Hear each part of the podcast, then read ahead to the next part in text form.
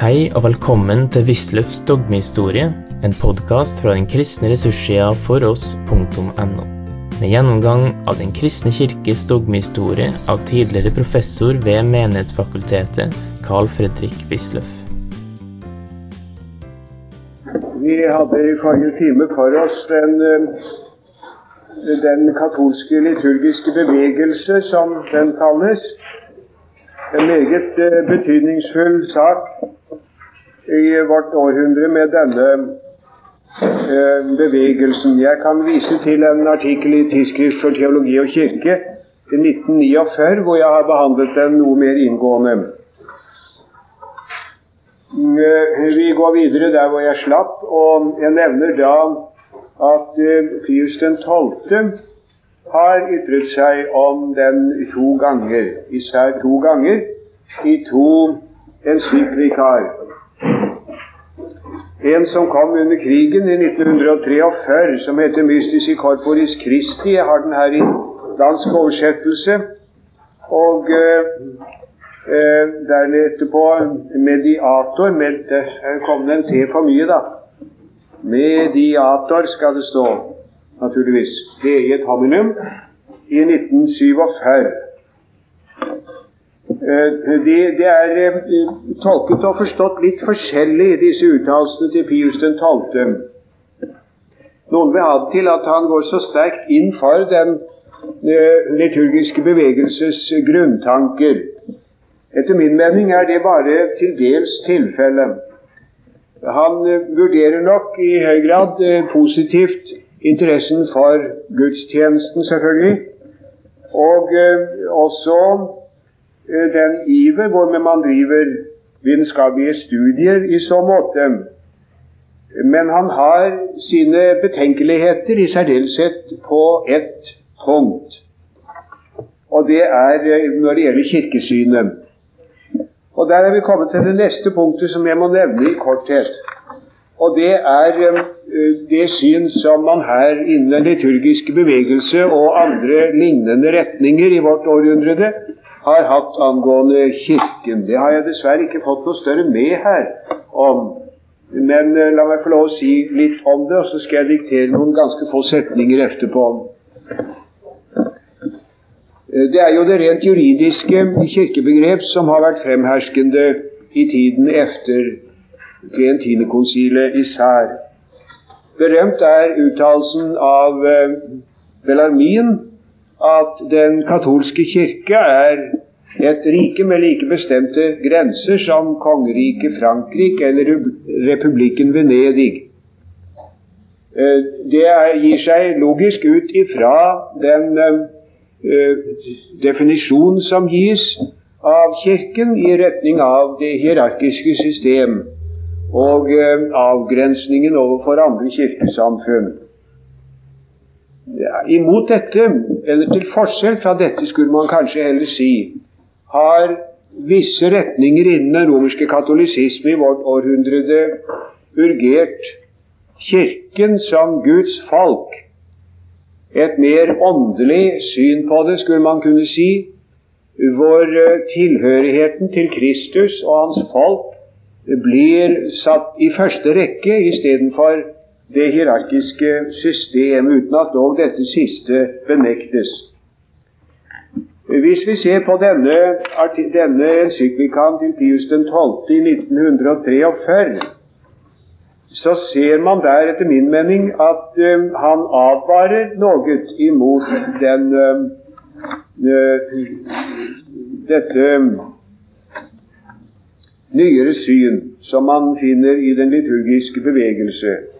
Han uh, anerkjenner ganske visst den berettigelse som han mener å kunne gi rett, men avgrenser seg samtidig mot det. Jeg skal få lov å lese to avsnitt. Ordet mystisk ja, Jeg følger altså her en dansk oversettelse i øyeblikket.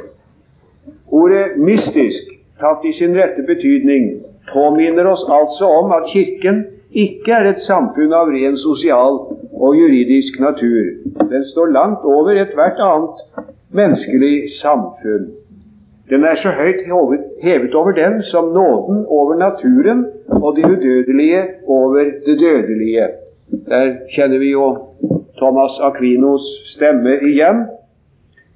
Eh, det, det, er med andre ord eh, Han gir rett i det at naturligvis er Kirken eh, noe mer enn et samfunn av ren sosial og juridisk natur, for så vidt som den står langt høyere enn en alminnelig statsdannelse på det verslige plan. Så det er, det, det er riktig nok, det. det. Men, sier han videre, det fremgår av det som vi har klargjort i vår skrivelse, at de som foregjøgler seg selv eller andre, at Kirken er skjult og usynlig, lever i en meget alvorlig villfarelse. Det skulle man anta må gå imot den det protestantiske kirkeoppfatning. Det vanskelige er nemlig at paven nesten aldri sier hvem han sikter til. Det står 'sunt non ulli' eller 'non desunt sikvidem' dem eller noe slikt noe. Der er noen, og det er ingen mangel på dem som, eller sånt noe, men, eh, men, men navn er det ytterst sjelden at han nevner, og ikke og en, Spesielt er det sjelden når det dreier seg om sånn innenkatolske forhold. Navner nevnes mer helst når det er noen som skal stemples riktig. Eh, men så, eh, så, så kommer han i neste hovedavsnitt og sier det samme gjelder nå også om dem som, som, anser Kirken for en rett og slett menneskelig institusjon med en viss organisasjon og visse ytre ritter, men uten delaktighet i overnaturlig liv. Man skal alltid avgrense seg til to sider. Og så Derfor beklager og forkaster vi også den skjebnesvangre villfarelse der foregjøgler seg en kirke kun bygget opp og næret av kjærlighet, overfor dette fantasifoster stiller en annen kirke, som man med en viss forakt kaller den juridiske. Det er ganske med urett at man gjør en sådan forskjell. Disse mennesker forstår ikke at vår guddommelige frelser nettopp har villet at det av ham grunnlagte samfunn skulle være et fullkomment samfunn av en ganske egen art. På den ene side utrustet med juridiske og sosiale bemyndigelser, for at Frelserens forløsningsverk skulle kunne bestå i denne verden, og på den annen side utrustet med Helligåndens himmelske gaver. Jeg, jeg, sammenholder det med enkelte andre ting, så syns jeg nok å fornemme at han avgrenser seg. Og Det gjør han også når det gjelder den katolske liturgiske bevegelses gudstjenesteoppfatning. Hør f.eks. her så er det ennå noen som frakjenner våre bønner all virkelig formåen, som i hvert fall søker å innpode andre den oppfattelse at bønner som den enkelte privat forretter privat, ikke har noen syndelig verdi. Virkelig verdi skulle kun de bønner ha som forrettes i Kirkens navn, og som altså utgår fra Jesu Kristi mystiske legeme. Dette er helt forkjært. Eh, vår guddommelige frelser har ikke bare forenet seg med sin elskede brud Kirken, men i den også med de enkelte troende sjele eh, osv. Man kan ikke skjelne mellom innvortes og utvortes, sier han godt katolsk, og avviser dermed dette synet. For det er jo den katolske liturgiske bevegelses syn, dette. Bort med disse privatbønner som bes under messen. Du skal ikke bede i messen, du skal bede messen som jeg siterte sist her fra, eh, fra Pius den tiende. Eh, det, det, har jo altså til dels eh, gått veldig langt. Jeg vil ikke se bønnebøker, f.eks. Private bønnebøker i gudstjenesten. Vekk med det, har de sagt. Og, og bare én messe i samme kirkerom, ikke flere på samme tid. Det er middelalderlige villfarelser. Bort med dem. Pius den tolvte vil ikke riktig med på det, og det kan man jo godt forstå. Han står som vokter og forsvarer av en tradisjon som inneslutter også det som den liturgiske bevegelse forkaster. Vi kunne skrive litt grann ute til høyre der, kanskje for side 187, om de, om de vil. Eh, godt stykke ned på siden der kunne vi skrive eh, den liturgiske bevegelse gjør seg til talsmann for et nytt kirkesyn. Hvordan? Kirken er ikke først og fremst en juridisk avgrenset størrelse, slik som det har vært vanlig å tenke etter tridentinerkonsilet. Men den er et åndelig samfunn i kjærligheten. Mens man før har urgert uttrykket Kristi legeme som bilde på Kirken, er det i vårt århundre mer og mer blitt vanlig å tale om Guds folk. Tankestrek, altså en setning til. I sine encyklikaer av 1943 og 47 gir Pius 12. den liturgiske bevegelse delvis rett, men avgrenser seg også imot det han oppfatter som overdrivelser. Vi skal jo altså møte disse tankene om eh, Kirken som Guds folk senere. Det kom jo sterkt til uttrykk under annet Vatikankonsil, eh, det der. Eh, det, man skal altså ikke forakte de subjektive fromhetsytringer, sakramentandakt, og så skal man passe på Folket har ikke noen prestelig fullmakt. Denne gudstjenesten som, som, som menighetens felles handling som er den liturgiske bevegelses eh, store ord og tanke, eh, er farlig, mener paven, dersom eh, man får det inntrykk at legfolket altså har virkelig prestelig fullmakt. Det har det altså ikke. Vel, det må også nevnes noe om den såkalte katolske aksjon. Det er noe som har spilt en veldig stor rolle i særdeleshet i mellomkrigstiden en mobilisering av eh, det katolske legfolk under prestenes ledelse. Tanken var at man på den måten skulle komme til å gjennomtrenge det offentlige liv med katolsk ånd. Man fryktet nemlig det som, som uh, Pius 12. har kalt for um, la, Ja, Pius 11. var det. Kalte for laisismus. Laisismus. Laikus betyr jo legmann. Nå, det ordet legmann det er et vanskelig ord. Det kan bety litt av hvert. Det kan det i sannhet. Laikos i eh, de eldste skrifter som vi har, første Klemens brev, betyr jo en som hører til Guds folk. Legmannen, en som hører til Guds folk. Men det ble jo i katolsk betraktning altså nesten noe noe, noe derangert ved det. En legmann er en som ikke er prest. Og Hvis man har vært til stede med en høytidelig messe i en av de katolske basilikaer i Rom, så kan man se at det før i hvert fall, det har jeg da sett mer enn en god gang, har gitt seg merkelige uttrykk. Der altså skal det jo da stenkes vievann, f.eks. på visse punkter i messen. Så sitter geistligheten på begge sider sånn i høykoret, og det blir da mot dem på forskjellige hold, og så er det liksom som man tilfeldigvis oppdager at det også er en, en, menighet der, så blir det liksom litt den veien også, men det er høyst nebensächlich. Det, det har man veldig inntrykk av når man står der og er til stede. Så en legmann er ikke så svært meget. Uh, i, på fransk er laik jo blitt fått en helt annen betydning igjen. Der betyr det antiklerikal. Antiklerikal og eh, det er nærmest det som eh, den betydningen som det har beholdt her. Laisismen er, er altså omtrent det samme som vi kaller for versliggjørelse eller sekularisering.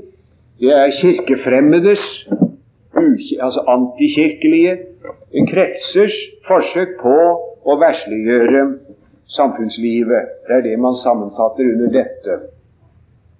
Eh, så legmann Vi vet jo også hvilke forskjellige slags klangfarve som kan følge med ordet legmann her i vår norske kirkelige debatt. Så det er et merkelig ord i grunnen. Men i motsetning til laisismen fremheves da den katolske aksjon, hvor legfolket mobiliseres. Og i Ubi Arcano Dei 22 av Pius 11. stillet opp den katolske aksjons program nettopp i denne retning. Eh, jeg har tatt med et sitat der av kardinal Faulhaber i München. Han taler om et legmannsapostolat, brent frem delaktighet i apostelembetet, men hva han mener med det, er ikke lett å få tak i. eh, en morsom setning. Om Paulus levde i dag, så ville han bli redaktør. Temmelig nøyaktig det samme har jeg da virkelig lest i Dagbladet Dagen, i dette blads eh, aller tidligste tid. Jeg tror som enn det var Johannes Lavik som har tenkt i samme retning, og hvem vet? Det er jo i hvert fall et synspunkt.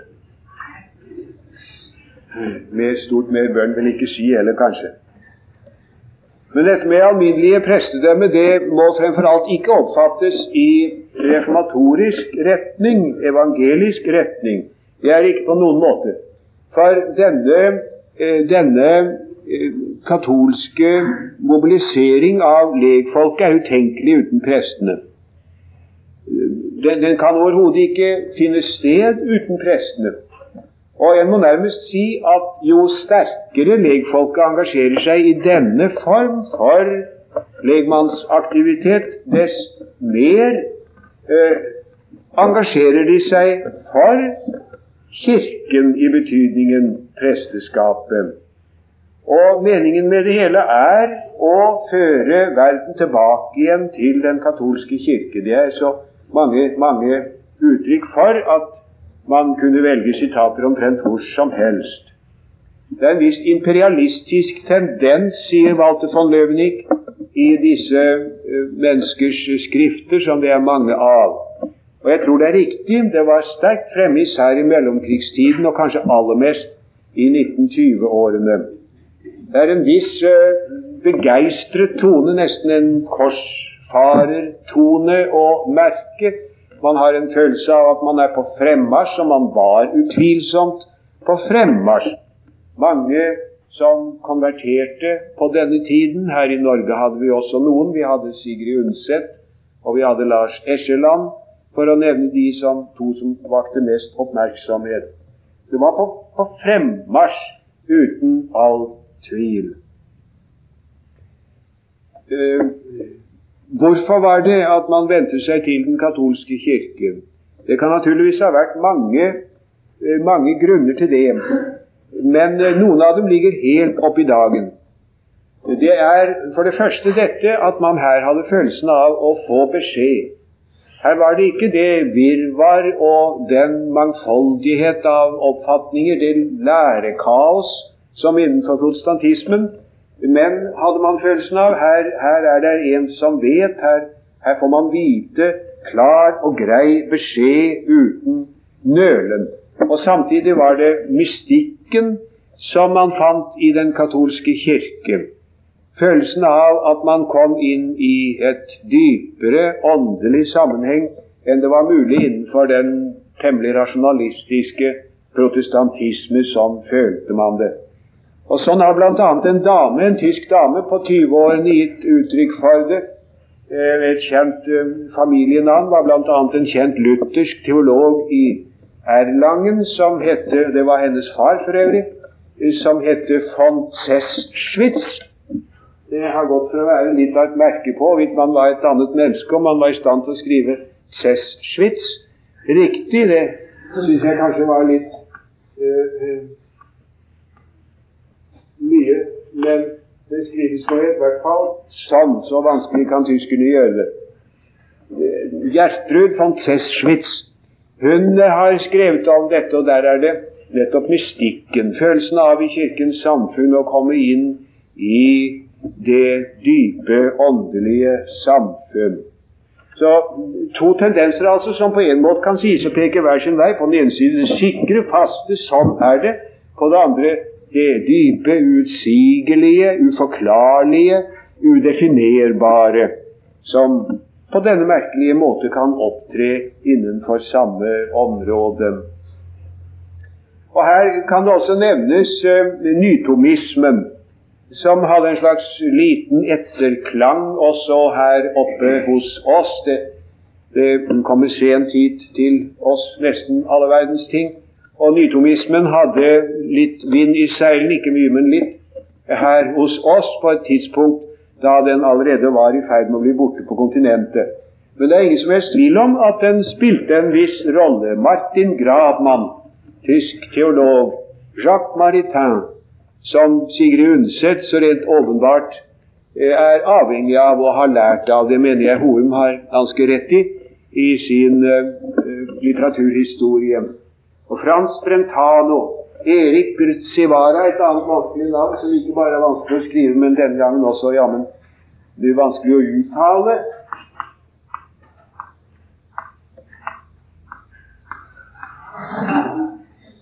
En jesuitt. Navnet fikk vi lære oss i min studietid. Det er forholdsvis glemt i mellomtiden. Men det var altså nytomismen ut ifra Thomas' filosofi kunne man dømme klart og sikkert og uten nølen om alle verdens ting. Det må også nevnes Max, Max Scheler,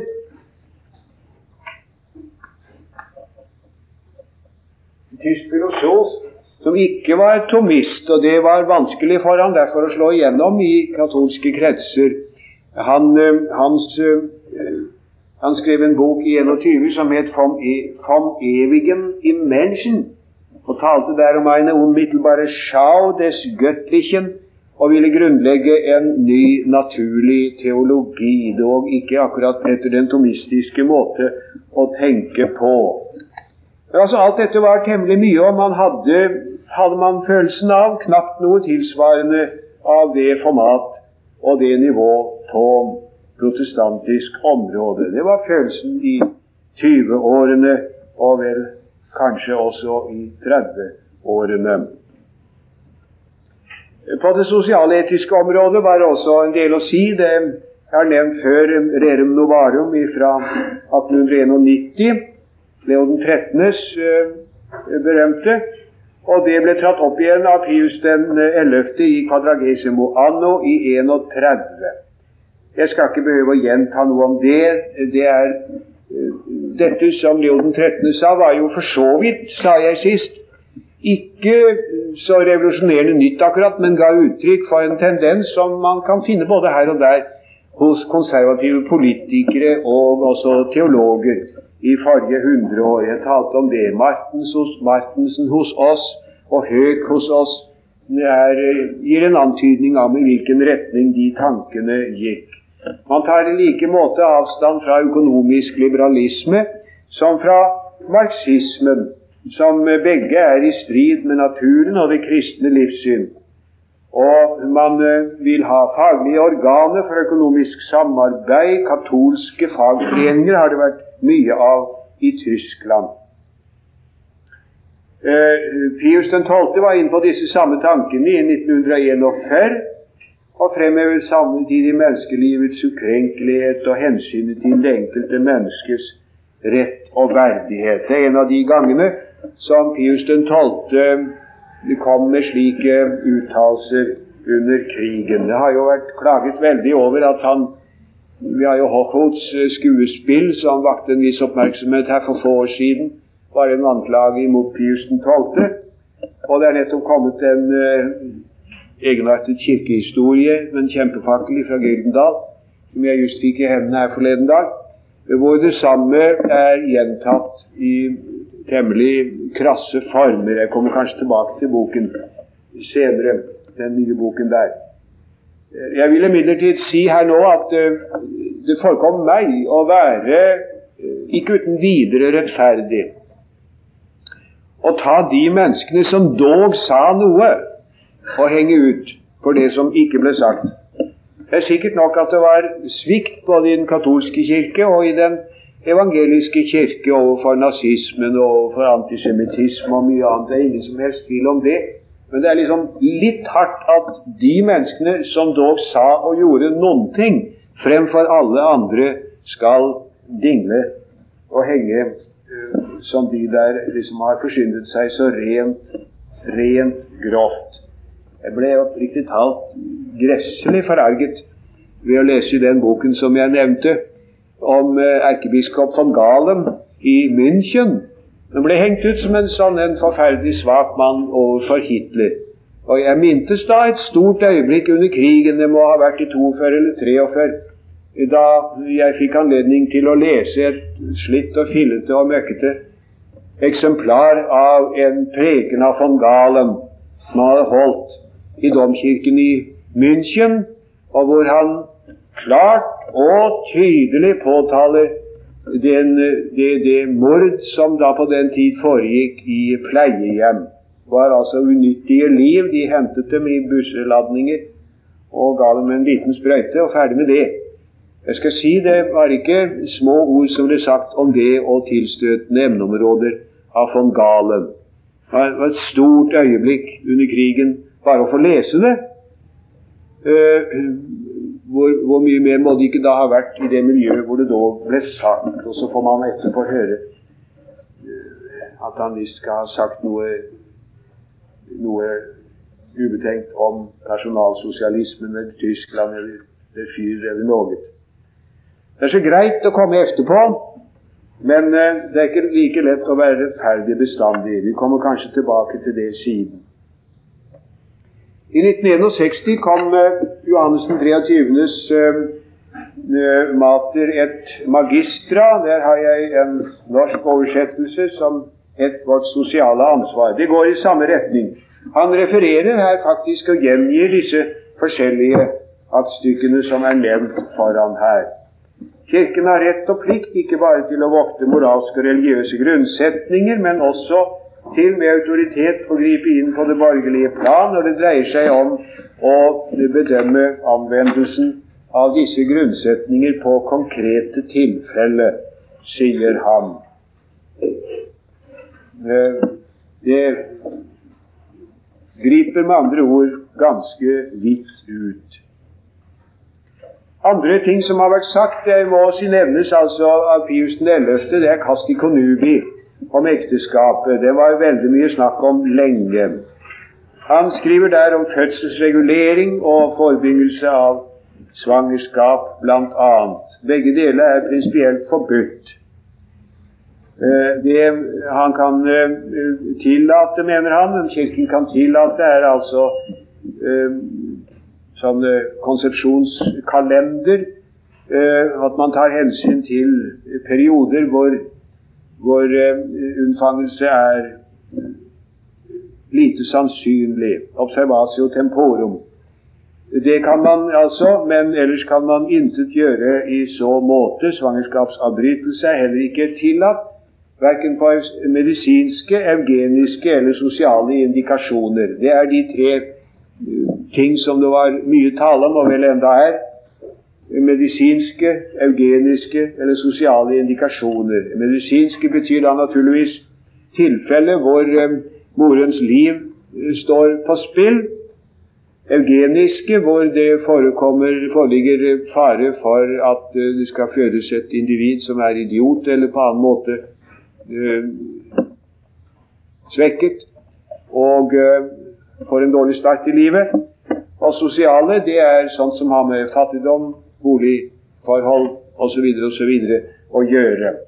Ingen av delene vil han, vil eh, den katolske kirke gå med på, heller ikke medisinske.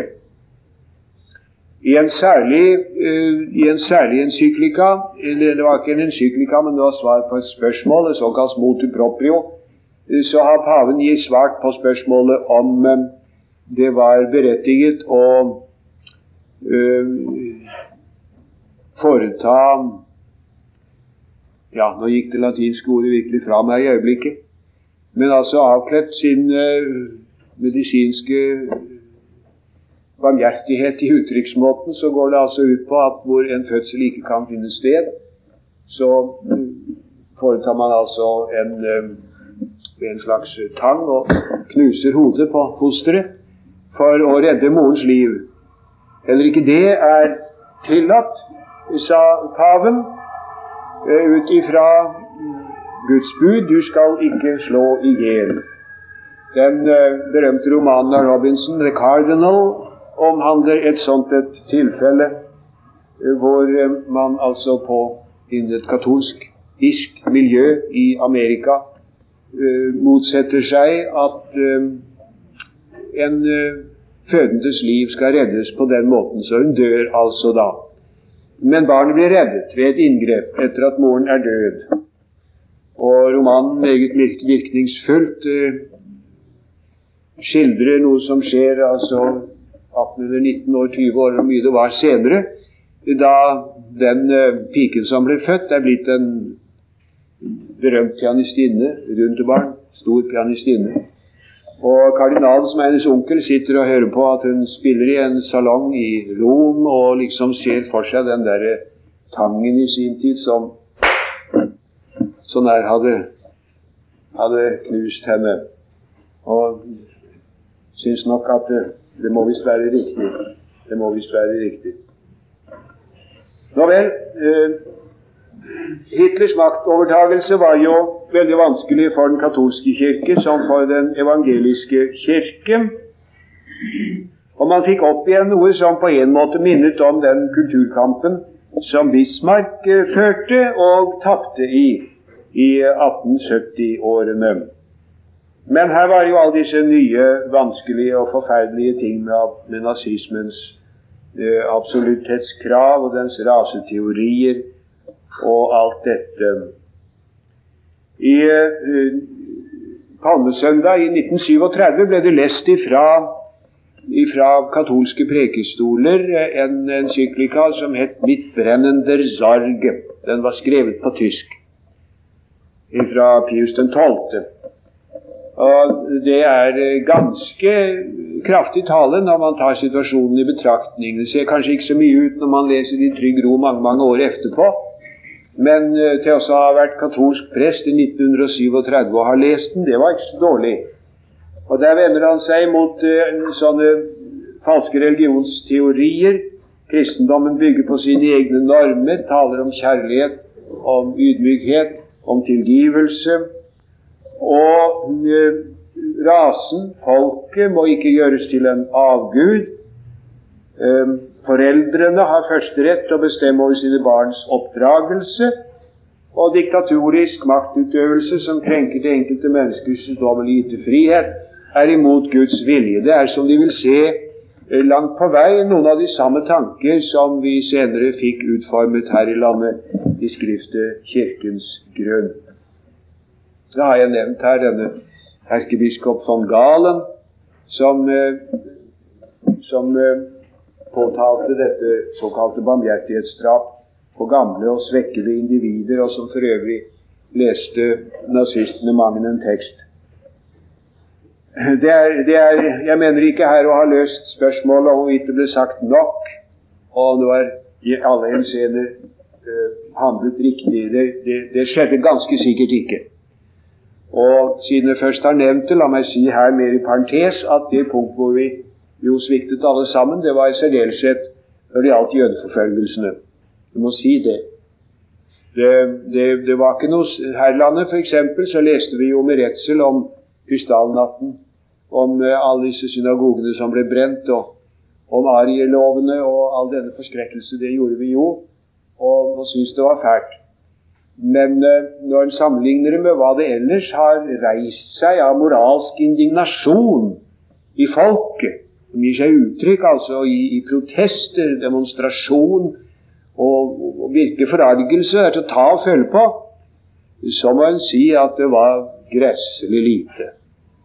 Uhyggelig lite som ble sagt og gjort. Vi sviktet, rett og slett. Det er ingen som helst tvil om det. Og særlig på det punkt, og det er hardt å måtte ta den dommen innover oss nå etterpå.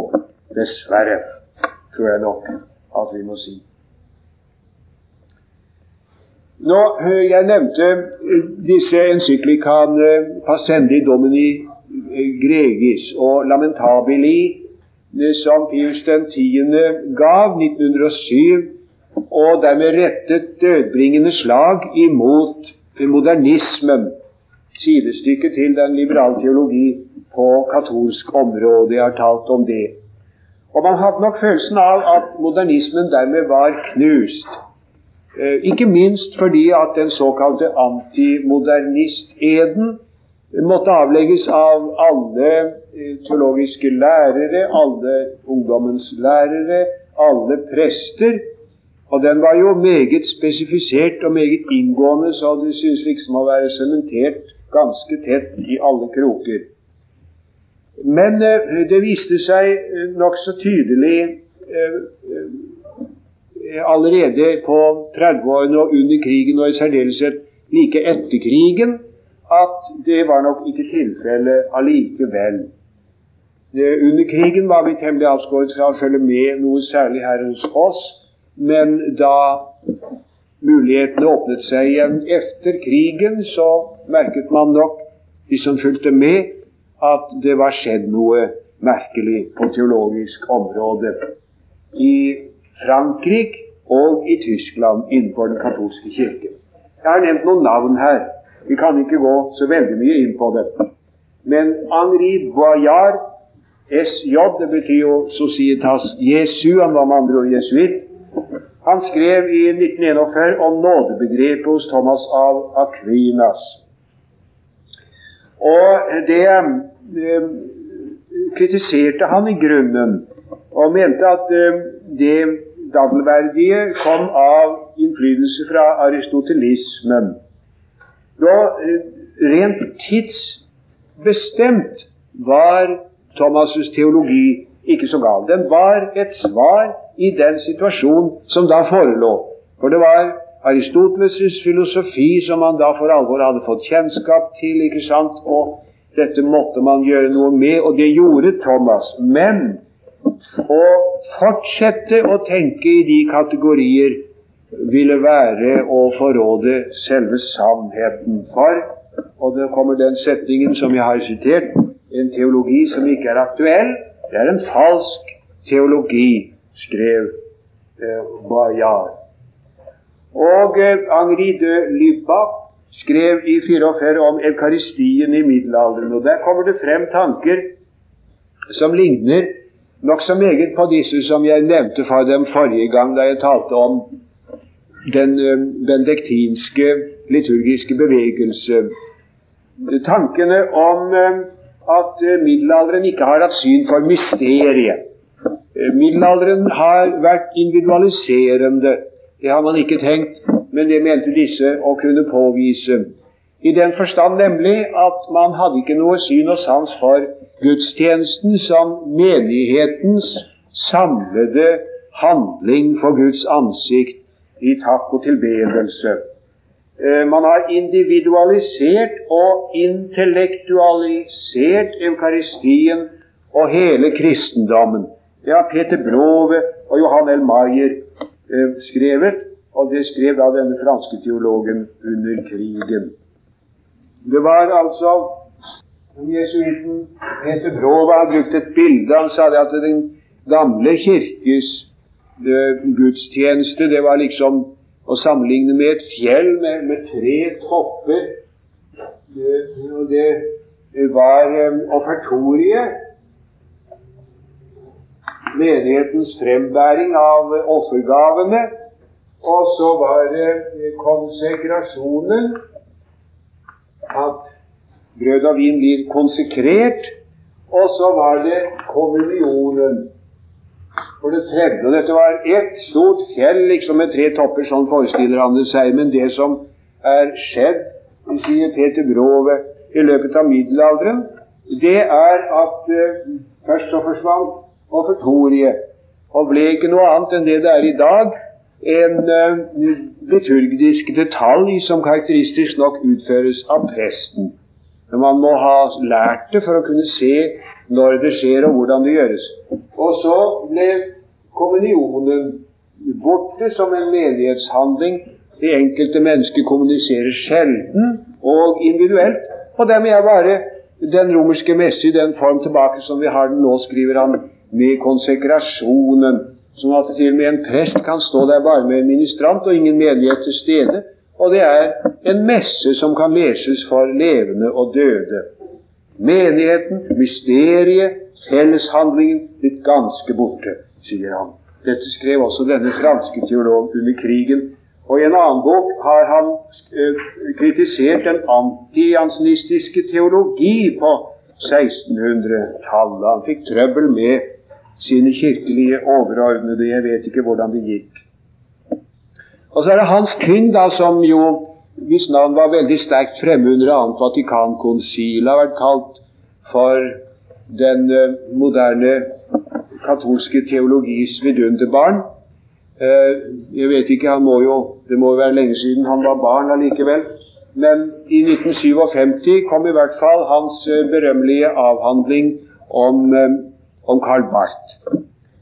Og der uh, har han skrevet, og Karl Barth har skrevet forord, så det er en merkverdig bok, at i virkeligheten så uh, er den rikt, har man misforstått uh, Trientinikonsilet og dets lære om rettferdiggjørelsen.